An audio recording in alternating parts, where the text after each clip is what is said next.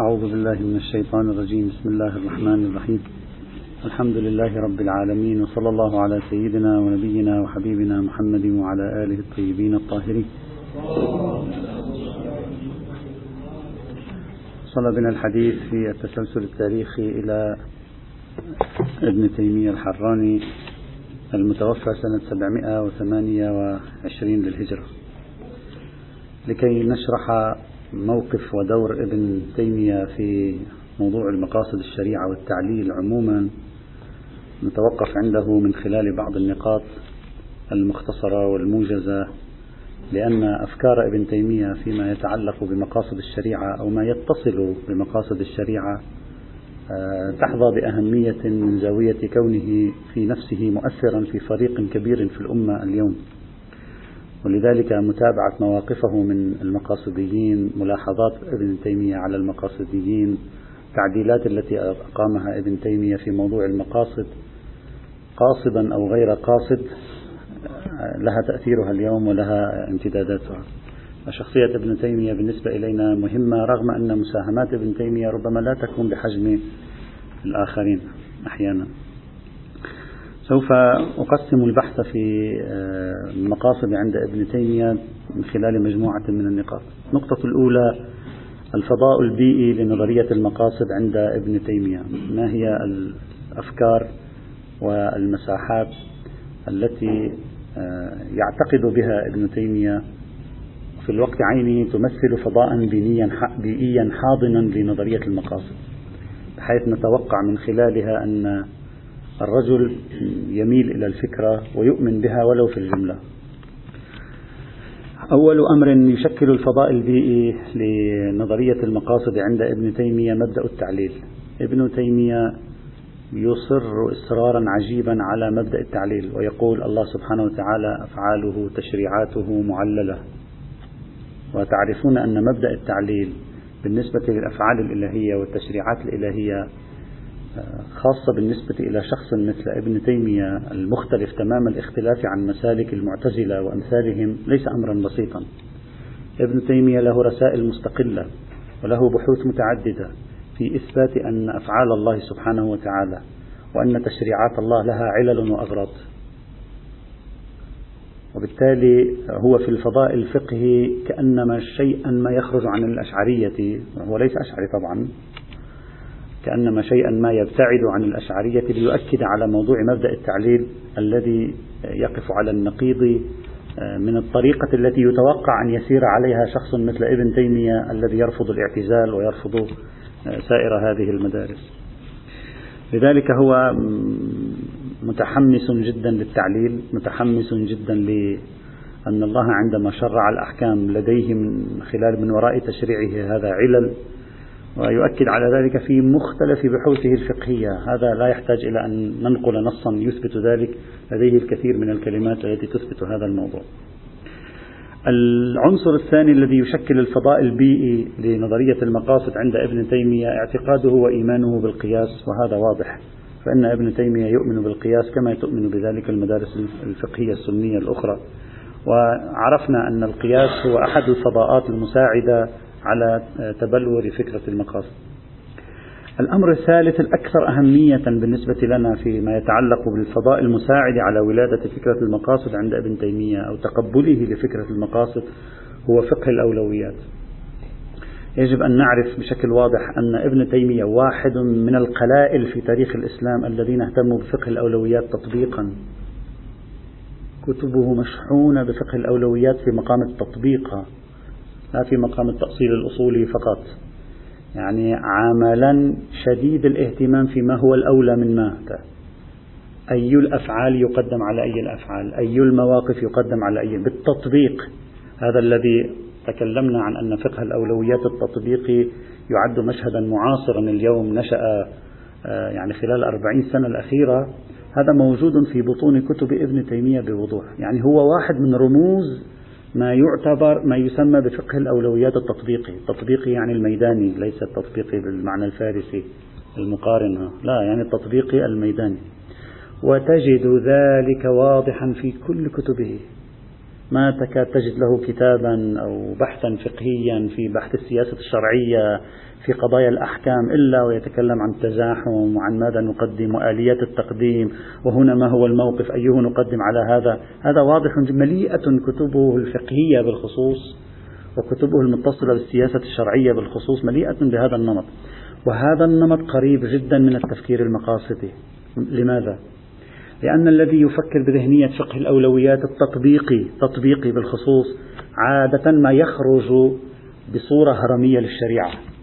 فيضع أشياء في الرتبة العليا أشياء في الرتبة الأدنى أشياء في الرتبة الأدنى أشياء في الرتبة الأدنى وهكذا. طبيعة الاجتهاد الأولوي أنه إذا طبقه الإنسان على مساحة واسعة في الاجتهاد الشرعي يخرج بتصور عن الشريعة تصور هرمي. وهذا بعينه ما يشترك فيه الأولويون مع المقاصديين. أصلا واحدة من مخرجات الرؤية المقاصدية هي رسم خارطة هرمية للشريعة. وبالتالي هناك نقطة التقاء مركزية بين التفكير الأولوي التي يشتغل على فقه الأولويات وبين والتزاحم وبين تطبيقها وبين التفكير المقاصدي. هذه المساحة المشتركة هي رسم خرائط للشريعة تضع الأولويات فيها. وهذا نجده واضحا عند ابن تيمية بمختلف أعماله الفقهية والشرعية. وينبغي أن آه، نركز عليه. وله أصلا نصوص مشهورة يعني تم تناقلها إلى يومنا هذا. تؤكد على هذه المفاهيم. إذا صار عندنا العنصر الأول آه، تطرف ابن تيمية لمبدأ تعليل الأحكام موافقا في ذلك مسارات مثل المعتزلة والشيعة وأمثالهم. ثانيا إيمان ابن تيمية بالمساحة الواسعة للقياس. ثالثا اعتقاد ابن تيمية على نطاق واسع في مجال التطبيق بفقه الأولويات ورسم خرائط الأولويات للأحكام والتشريعات. رابعا ابن تيمية نجد عنده بوضوح وسعة تطبيق آليات العمل الاستقرائي يعني عندما يدرس الشريعة يطبق آليات العمل الاستقرائي بكثرة. الأحناف عموما لديهم هذه الطريقة. ما يعرف بأصول الفقه في مدرسة في أصول الفقه تسمى بناء الأصول على الفروع. الأحناف متحمسون لهذه المدرسة. في التاريخ الإسلامي عادة يستنتجون القواعد من خلال التطبيقات الفقهية. يتتبع تطبيقات فقهية متشابهة ويستنتج قاعدة. يرى في كتاب الديات في كتاب الحدود في كتاب القصاص في النكاح في الصلاة في الصوم في الطهارة في الاجتهاد والتقليد يرى أن الجاهل دائما الشريعة تعذره فيستنتج قاعدة الجاهل معذور وهكذا. هذه الطريقة الاستقرائية يطبقها ابن تيمية كثيرا بل هو بطبيعة بحوثه استقرائي. ولذلك بحوثه موسعة. يعني عادة أقل بحث عنده يعني يتعب الإنسان من القراءة. يعني حقيقة. وأخذ هذه هذا الطبع منه تلميذه ابن قيم الجوزية. وعندما يتكلم في موضوع يأتيك بأمثلة تطبيقية للموضوع يحشد لك 30 40 وإذا تذكرون عندما تكلمنا عن الاجتهاد الزرائعي وفقه الحيل كيف أن ابن تيمية فتح النار على فقه الحيل وأثبت قاعدة سد الذرائع من خلال مجيء بالشواهد. ذكر ثلاثين شاهدا ثم جاء تلميذه ابن قيم الجوزية ووصل بها 99 شاهد. وكلها شواهد تطبيقية جزئية. ابن تيمية في تلك الفترة يعد من الأشخاص الذين توسعوا نسبيا في استخدام طريقة التتبع والاستقراء وحشد الشواهد الصغيرة ومراكمة الاحتمالات الصغيرة للوصول إلى قاعدة. وهذه نقطة مشتركة أيضا بينه وبين المقاصديين.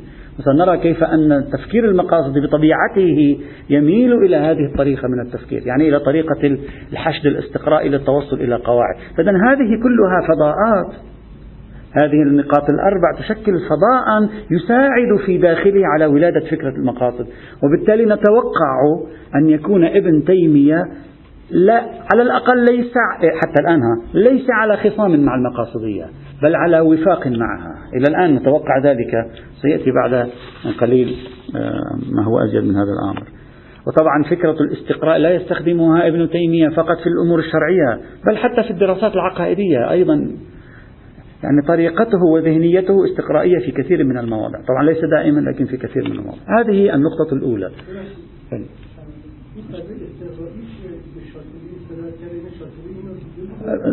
حتما الشاطبي رأى ابن تيمية يعني لا لا لا, لا ليس تلميذا له. يعني حتما رأى يعني أو لا أقل اطلع باعتبار أن ابن تيمية قصته هم لم تكن أمرا مخفيا مشهورا صحيح أنه مهجور. هجر في تلك الفترة لكن نتوقع أنه يكون قد اطلع. والفضاء الاستقرائي كما قلت ليس أبدعه ابن تيمية لا هو موجود أصلا قبله. وكما قلت خاصة عند الأحناف قبل ذلك بقرن قرنين ثلاثة قرون الأحناف عندهم هذه المدرسة. من الطبيعي أن الشاطبي يأخذ ممكن من الحنابلة يأخذ ممكن من من الأحناف وتتكون عنده فكرة الاستقراء أكثر. حنبلي نعم. حنبلي. إذا هذه النقطة الأولى الفضاء البيئي. الذي يمكن أن نجده عند ابن تيمية ويتوقع معه أن يحتضن مشروع المقاصد. النقطة الثانية كيف فهم ابن تيمية مسألة الضروريات الخمس في المقاصد؟ أرجو أن نتوقف قليلا هنا لأن هذه قضية مهمة. آه، آه، يشكل موقف ابن تيمية فيها نقدا على المقاصديين. ليس نقدا على المشروع مشروع المقاصدي لكن نقد في داخل المقاصد. ماذا نقصد من هذه الفكرة؟ ابن تيمية لا يوافق على حصر أغراض الدين في الضروريات الخمس. ما لا يوافق على هذه الفكرة. يقول والدين كله في النهاية رأس الهرم الذي يهيمن على كل شيء هو الضروريات الخمس بالمعنى الذي ذكره المقاصديون. له نص موجود في كتابه مجموعة الفتاوى يقول فيه ذلك. يقول وقوم من الخائضين في أصول الفقه وتعليل الأحكام الشرعية بالأوصاف المناسبة الأوصاف المناسبة بحث المناسبة في القياس. هذا النص واضح أن آه، ابن تيمية ناظر فيه إلى الجويني وأكثر ربما إلى الغزالي. يقول إذا هؤلاء القوم إذا تكلموا في المناسبة وأن ترتيب الشارع للأحكام على الأوصاف المناسبة يتضمن تحصيل مصالح العباد ودفع مضارهم يتكلم ينقل عنهم الآن. يقول ورأوا هؤلاء أن المصلحة نوعان أخروية ودنيوية. جعلوا الأخروية ما في سياسة النفس وتهذيب الأخلاق من الحكم. وجعلوا الدنيوية ما تضمن حفظ الدماء والأموال والفروج والعقول والدين الظاهر. خلي خط تحت كلمة الدين الظاهر. خلي خط تحت كلمة. الآن أن هذه مهمة بالنسبة إلينا. لم يستخدم كلمة الدين. استخدم كلمة الدين الظاهر ابن تيمية. وهنا الآن سيصب إشكاله. خلي خط تحتها الآن. وأعرضوا الآن هو يصور لنا المقاصدين هكذا. إجوا المقاصدين؟ قالوا الشريعة كلها محكومة للمصالح وهذه المصالح أخروية ومصالح دنيوية. والمصالح الدنيوية هي هذه الخمس التي منها الدين الظاهر حفظ الدين الظاهر. الآن يلاحظ عليهم. يقول وأعرضوا عما في العبادات الباطنة والظاهرة. من أنواع المعارف بالله تعالى وملائكته وكتبه ورسله وأحوال القلوب وأعمالها كمحبة الله وخشيته وإخلاص الدين له والتوكل عليه والرجاء لرحمته ودعائه وغير ذلك من المصالح في الدنيا والآخرة. ماذا يريد أن يقول؟ يريد أن يقول هؤلاء لما رسموا خارطة أولى الأولويات في الدين نسيوا هذه التفاصيل. ركزوا على الدماء وركزوا على الفروج وركزوا على الأعراض وركزوا على الأموال وعندما جاءوا ليركزوا على الدين ركزوا على الدين الظاهر. الآن سنقول لماذا افترض ابن تيمية أن التفكير المقاصدي ركز على الدين الظاهر ونسي هذا الدين الباطن؟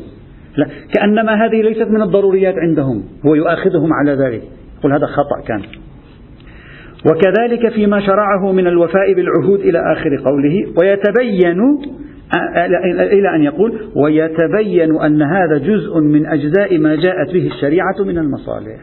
هذا كلامه يمكن مراجعته في كتابه مجموعة الفتاوى في الجزء الثاني والثلاثين صفحة 234 هذا النص الآن سنحلل هذا النص لأنه مهم جدا هذا النص.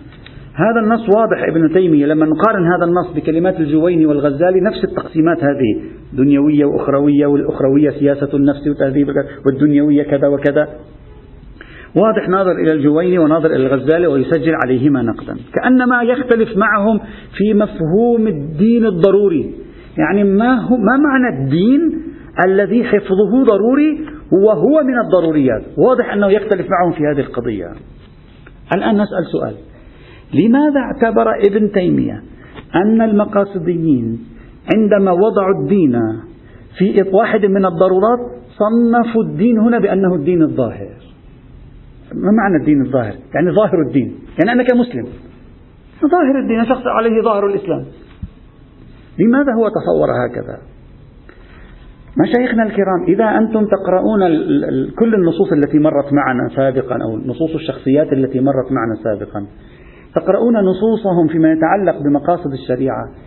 استدلوا يعني لا أقول استدلوا طريقتهم في إثبات المقاصد منطلقة من فكرة الحدود العقوبة. يعني مبدأ العقوبة في الإسلام كان أحد المبادئ التي استطرقها المقاصديون لإثبات مفهوم الضرورات. يعني مثلا الشريعة وضعت حد السرقة. إذا الشريعة عندها المال ضروري حفظ المال ضروري. الشريعة قتلت القاتلة إذا حفظ النفس ضروري. هكذا معناه. الشريعة تجلد وترجم على الزنا. إذا حفظ الفرج ضروري. النسب النسب أو النسل. ضروري. طيب لما جاءوا ليثبتوا أن الدين من الضروريات ماذا استدلوا؟ بحد الردة. طيب حد الردة ما هو الذي في مقابله؟ الإسلام الظاهر. فاستنتج ابن تيمية أن هؤلاء القوم اعتبروا الدين واحدة من الضرور واحد من الضروريات الخمس وقصدوا به ظاهر الدين. يعني ما يقابل الكفر. يعني ما يقابل الارتداد. لأنهم عبروا من منظومة العقوبات حدود إلى منظومة الضروريات. هكذا رأينا في كتبهم. فاستنتج أن ما تصوروه الدين الضروري هو ظاهر الإسلام.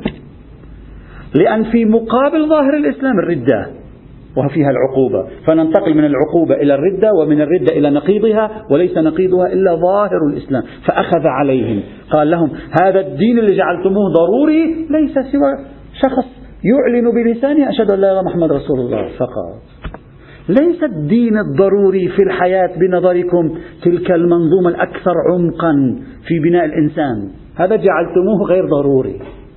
هذه مؤاخذته في الحقيقة. هذا جعلتموه غير وهذا هو خطأ المقاصديين برأيي. معنى هذا الكلام أن ابن تيمية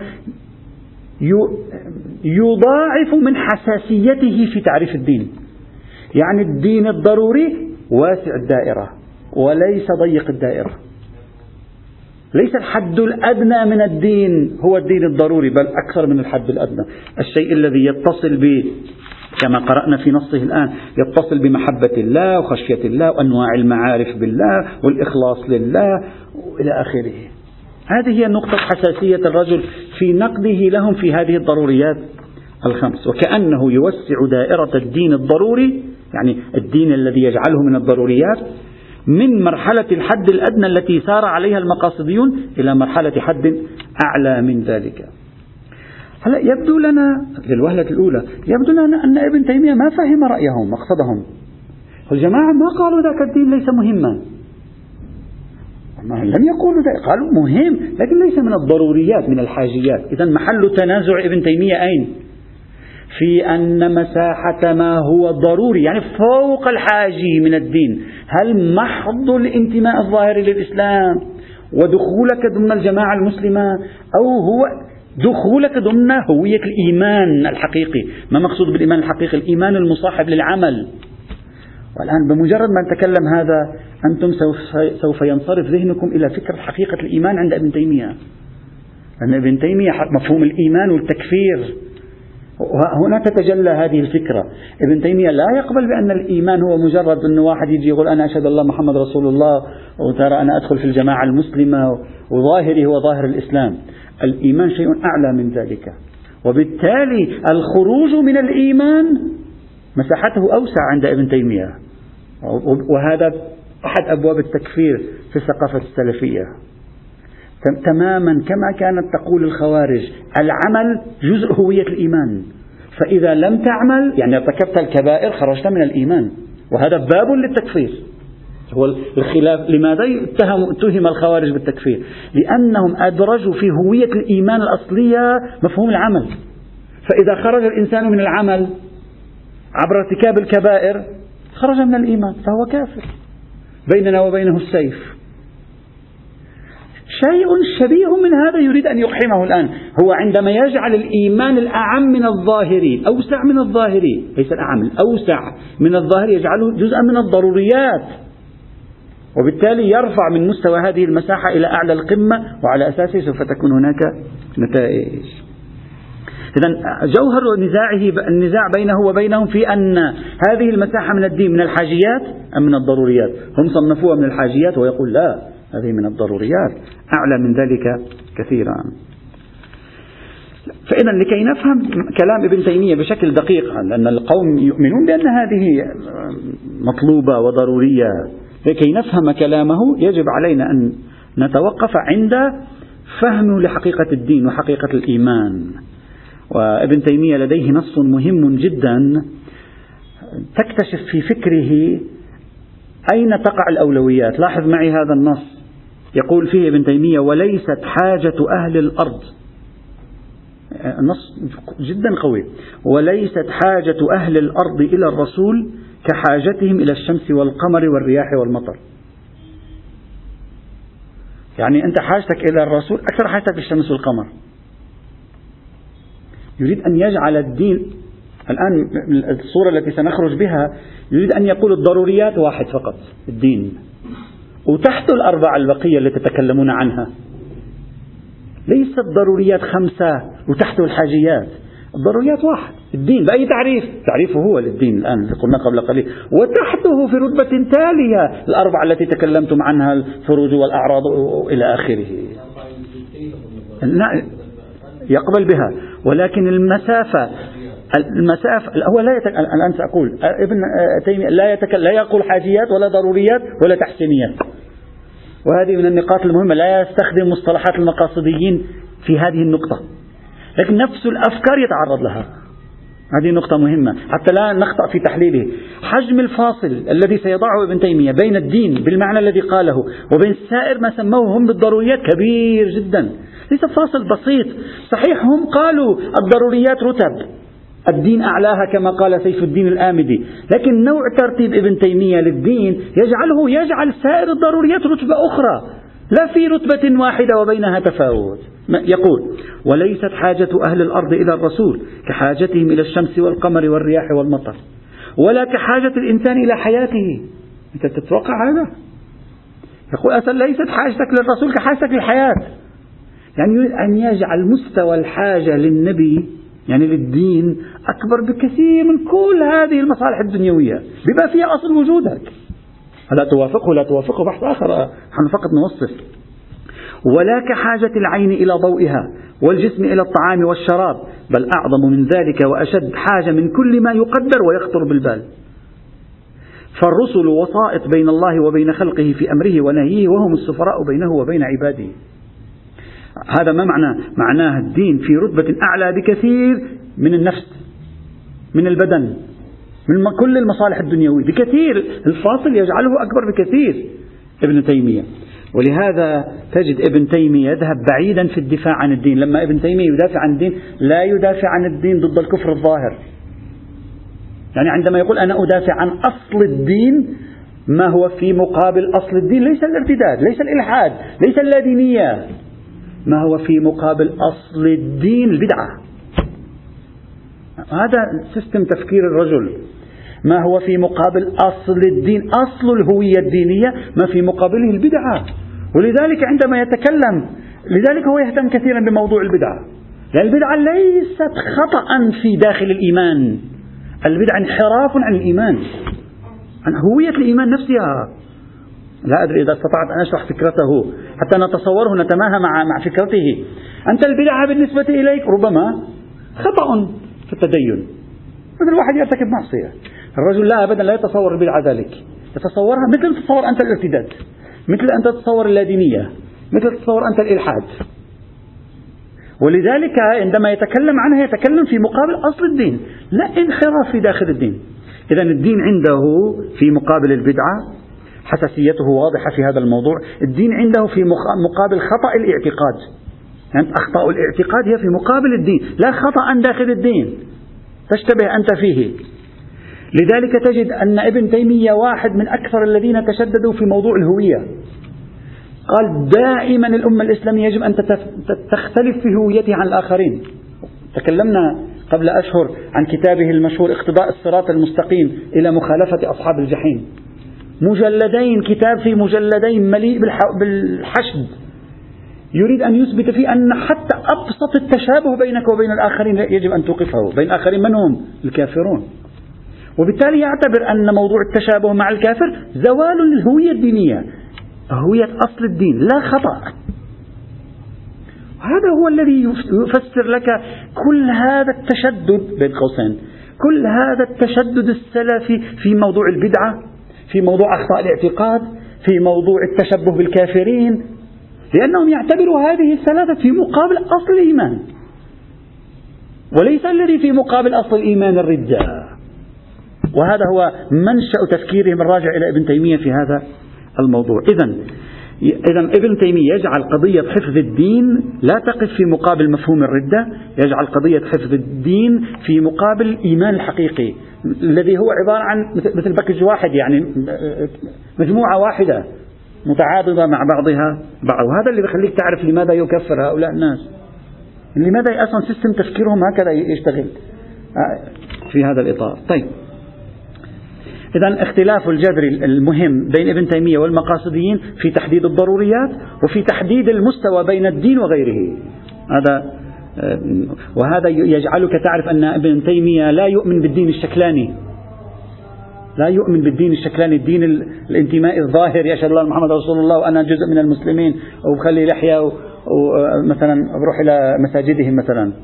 آه أبدا. لا هذا لا يؤمن به. وإنما الدين عنده هوية عملية أيضا انتماء عملي باطني وليس دينا شكلانيا. هو ضد الصوفية. لكن عندما تقرأ ابن تيمية تجد لديه ميول معنوية خلافا لما يتصور كثيرون لكن هو هو هو معارض شديد للتصوف. نعم؟ لا لا هو هو هو لا كثيرون يؤمنون بالنزعة المعنوية لكن لا يؤمنون بالتصوف كمبدأ التصوف الذي ينجم عنه نمط حياة وشكل من أشكال التدين. نعم نعم.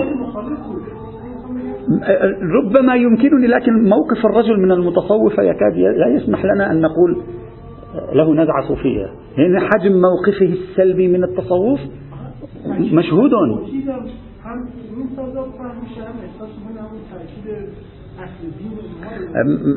لماذا تريد أن تجعل هذا الفهم للدين صوفيا؟ لماذا لا تجعل الفهم الصوفي في جزء منه كان صحيحا. يعني لماذا إذا واحد قال هذه الفكرة فهو انتمى للتصوف؟ لماذا لا تكون هذه الفكرة نقطة التقاء بينه وبين المتصوف؟ ربما. صعب أن تقول ابن تيمية يعني له ميول صوفية يعني ثقيلة. الرجل معروف كتاباته مشهودة في موقفه من النزعات الباطنية من النزعات الإسماعيلية من النزعات الصوفية حتى من الفلاسفة.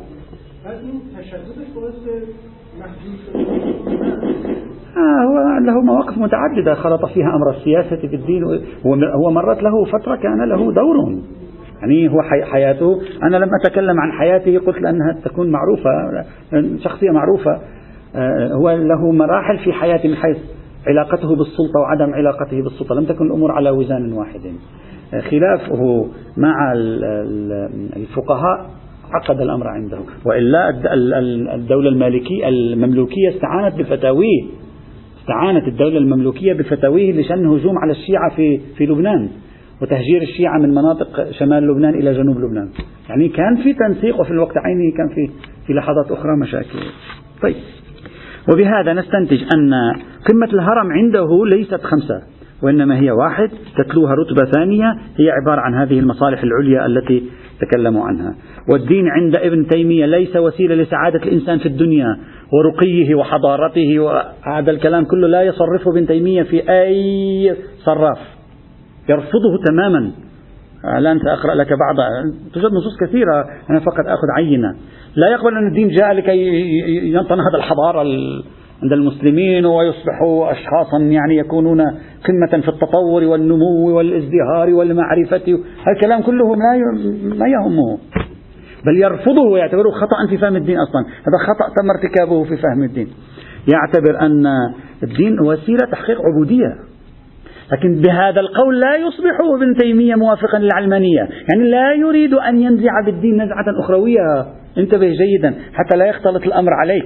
لا يريد عندما يقول الدين نقطة الإضافة المهمة التي فيه تحقيق العبودية والتسليم لله سبحانه وتعالى لا يريد أن يقول الدين ليس له علاقة بالدنيا. حتى لا تحسبه على العلمانية. وإنما يريد أن يقول النقطة المركزية في الدين هي تحقيق العبودية لله وهذه النقطة تترك آثارا في الحياة الدنيوية.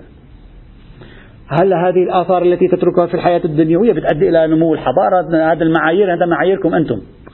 أنا ما تعنيني. تعنيني تحققت العبودية لله وتمام التسليم لله وباقي الأمور احسبوها كما تريدون أن تحسبوها. هذا معياره في الموضوع. حتى لا تقول كيف الرجل جعل الدين أصلا طيب ما الدين هو الذي يؤدي إلى نمو الإنسان في الدنيا؟ هذه اتركها هذه اقطعها. لنمو الإنسان في الدنيا بالمفهوم الذي نحن نفهمه لهذه الكلمة هذه يقطعها ابن تيمية. لكن لا يرفض أن الدين يترك أثارا على سعادة الدارين. لكن لا يقول غرض الدين ذلك ومعيار اختبار الدين ذلك وما شابه ذلك. كل هذا يقتطعه تماما آه، من حساباته. لاحظوا معي هذا النص المهم لابن تيمية وهو يتحدث عن السياسة الشرعية يعني وهو من الذين كتبوا من أهم الشخصيات التي كتبت في موضوع السياسة الشرعية في تاريخ أهل السنة هو ابن تيمية كتب في السياسة الشرعية لاحظوا هذا النص المهم تعرف من خلاله آه، تصور هذا الرجل ماذا يقول؟ يقول فالمقصود الواجب بالولايات لماذا هناك سلطة؟ لماذا الإسلام فيه سلطة؟ أنا سألتك لماذا يجب أن تكون هناك سلطة في الإسلام يقول فالمقصود الواجب بالولايات. أنت ماذا تقول؟ تقول إصلاح آه، يعني حياة البشر أن لا يظلم بعضهم بعضا أن آه، يعني هذه التي العبارات التي نقولها. يقول إصلاح دين الخلق. فقط الدين. ما عندي شغل بقية الأمور ما عندي شغل فيها. الهدف من السلطة مفهوم السلطة في الإسلام هدف إصلاح دين الخلق. التي الذي متى فاتهم خسروا خسرانا مبينا ولم ينفعهم ما نعموا به في الدنيا. هذا أول واحد إصلاح دين الخلق. طيب دنيا الخلق ما رأيك فيها؟ دنيا الدنيا ما, ما هو رأيك في إصلاح الدنيا؟ أليست السلطة تؤدي إلى إصلاح دنيا الناس؟ قال نعم تؤدي. لكن لاحظ المقصود. يقول المقصود بالواجب بالولاية فالمقصود الواجب بالولايات إصلاح دين الخلق؟ وإصلاح ما لا يقوم الدين إلا به من أمر دنياهم. يعني إنما إنما السلطة في الإسلام تهتم بإصلاح دنيا الناس. ليس لأن دنيا الناس مقصودة. هذا ليس مقصودة. دنيا الناس هذه لا يصرفها ابن تيمية. نعم مضطرون لأننا نعيش في الدنيا. مضطرون أن نصلح بعض شؤون الدنيا التي لولا إصلاحها لا نتمكن من إصلاح دين الناس. هذه. هذا تفكير مهم جدا عندما نحلل ابن تيمية. تفكير مهم جدا في رؤيته لعلاقة الشريعة بالدنيا والآخرة. إذا الشريعة على علاقة بالدين. ليس لها علاقة بالدنيا. طيب في الدنيا هناك أشياء دنيوية. يقول نعم توجد أشياء دنيوية. لكن كل هذا البرنامج الدنيوي ليس إلا الحد الأدنى من الدنيا المرتبط به إصلاح الدين دين الناس لا أكثر ولا أقل. وهذا فرق كثير بينه وبين الأدبيات التي تستخدم اليوم. إصلاح الدين والدنيا وتنظيم شؤون الناس وإحلال العدالة الاجتماعية إلى آخره. وإن كان هو يركز كثيرا على فكرة العدل لكن هذا. فإذا لذلك في موضع آخر ماذا يقول؟ يقول أهم ما في هذا الباب يعني في باب السياسة الشرعية معرفة الأصلح وذلك إنما يتم بمعرفة مقصود الولاية ومعرفة طريق المقصود. فإذا عرفت المقاصد والوسائل تم الأمر. فلهذا لما غلب على أكثر الملوك قصد الدنيا دون الدين قدموا في ولايتهم من يعينهم على تلك المقاصد. وكان من طلب رئاسة نفسه يؤثر تقديم من يقيم رئاسته. بينما السنة ماذا كانت؟ يقول وقد كانت السنة أن الذي يصلي بالمسلمين الجمعة والجماعة ويخطب بهم هم أمراء الحرب. ماذا يريد أن يقول ابن تيمية في هذه الجملة؟ يريد أن يقول حصل بي عندنا انفصل الدين عن الدنيا. يعني صار السلطان لأنه يريد سلطة نفسه. يأتي بالأعوان الذين لهم النفوذ في البلاد ومعيار الأعوان أنهم يساعدونه في سلطة نفسه. بينما لو رجعنا إلى السنة أي إلى سنة النبي والصحابة والصدر الأول. إذا رجعنا إلى السنة من هو الذي يملك السلطة في, في, في, في الحرب؟ هو الذي يصلي الجمعة والجماعة. من هو الذي يصلي الجمعة والجماعة؟ قال هو الذي يملك السلطة في الحرب. إذا ال- الذي يملك السلطة هو نفسه الذي يصلي الجمعة والجماعة. يعني من يملك السلطة هو نفسه من يملك الدين. وبهذا تعرف أن الرجل في نصه هذا يريد أن يؤكد نصه الأول وهو أن غاية السلطة الدين وليس السلطة وليس إصلاح الدنيا. لذلك يقول وذلك لأن أهم أمر الدين الصلاة والجهاد. إذا خلاصة الفكرة الثانية التي نريد أن نقولها في تشريح نظرية المقاصد عند ابن تيمية اختلافه مع المقاصديين في مفهوم الضروريات. من, من زاويتين. في تعريفهم الدين الذي جعلوه من الضروريات بتحويله من الدين الظاهر إلى معنى آخر. ثانيا بوضعه فاصلا كبيرا بين ضرورة الدين وبين ضرورة الضروريات الأربعة الأخرى. وبذلك يغير ابن تيمية باستنتاجنا يغير ابن تيمية خارطة المقاصد. بعد أن كانت خمسة في الأعلى تتلوها الحاجيات تتلوها التحسينيات صارت واحدة في الأعلى تتلوها الأربعة الباقية التي إنما تأخذ ضرورتها من ضرورة التي في الأعلى وليس لها ضرورة في حد نفسها. أن أنت هنا تستطيع أن تعرف أنه ابن تيمية أو التفكير السلفي عموما عندما تعنيه قضية دينية معينة لا قيمة لحياة البشر. يعني أنا لا أريد أن أنتقد الآن أريد أن أشرح فقط. لماذا لا قيمة لحياة البشر؟ لأن حياة البشر قيمتهم بقيمة الدين. هذا نص نصوص ابن تيمية الآن. وبالتالي يجب أن نجعل قيمة الحياة بقيمة الدين. وليس لها قيمة مستقلة حينئذ. هذه النقطة الثانية التي أريد أن أشير إليها في هذا المجال. النقطة الثالثة لكي نوضح نظرية ابن تيمية شوية طويلة صار العشر غدا إن شاء الله. والحمد لله رب العالمين.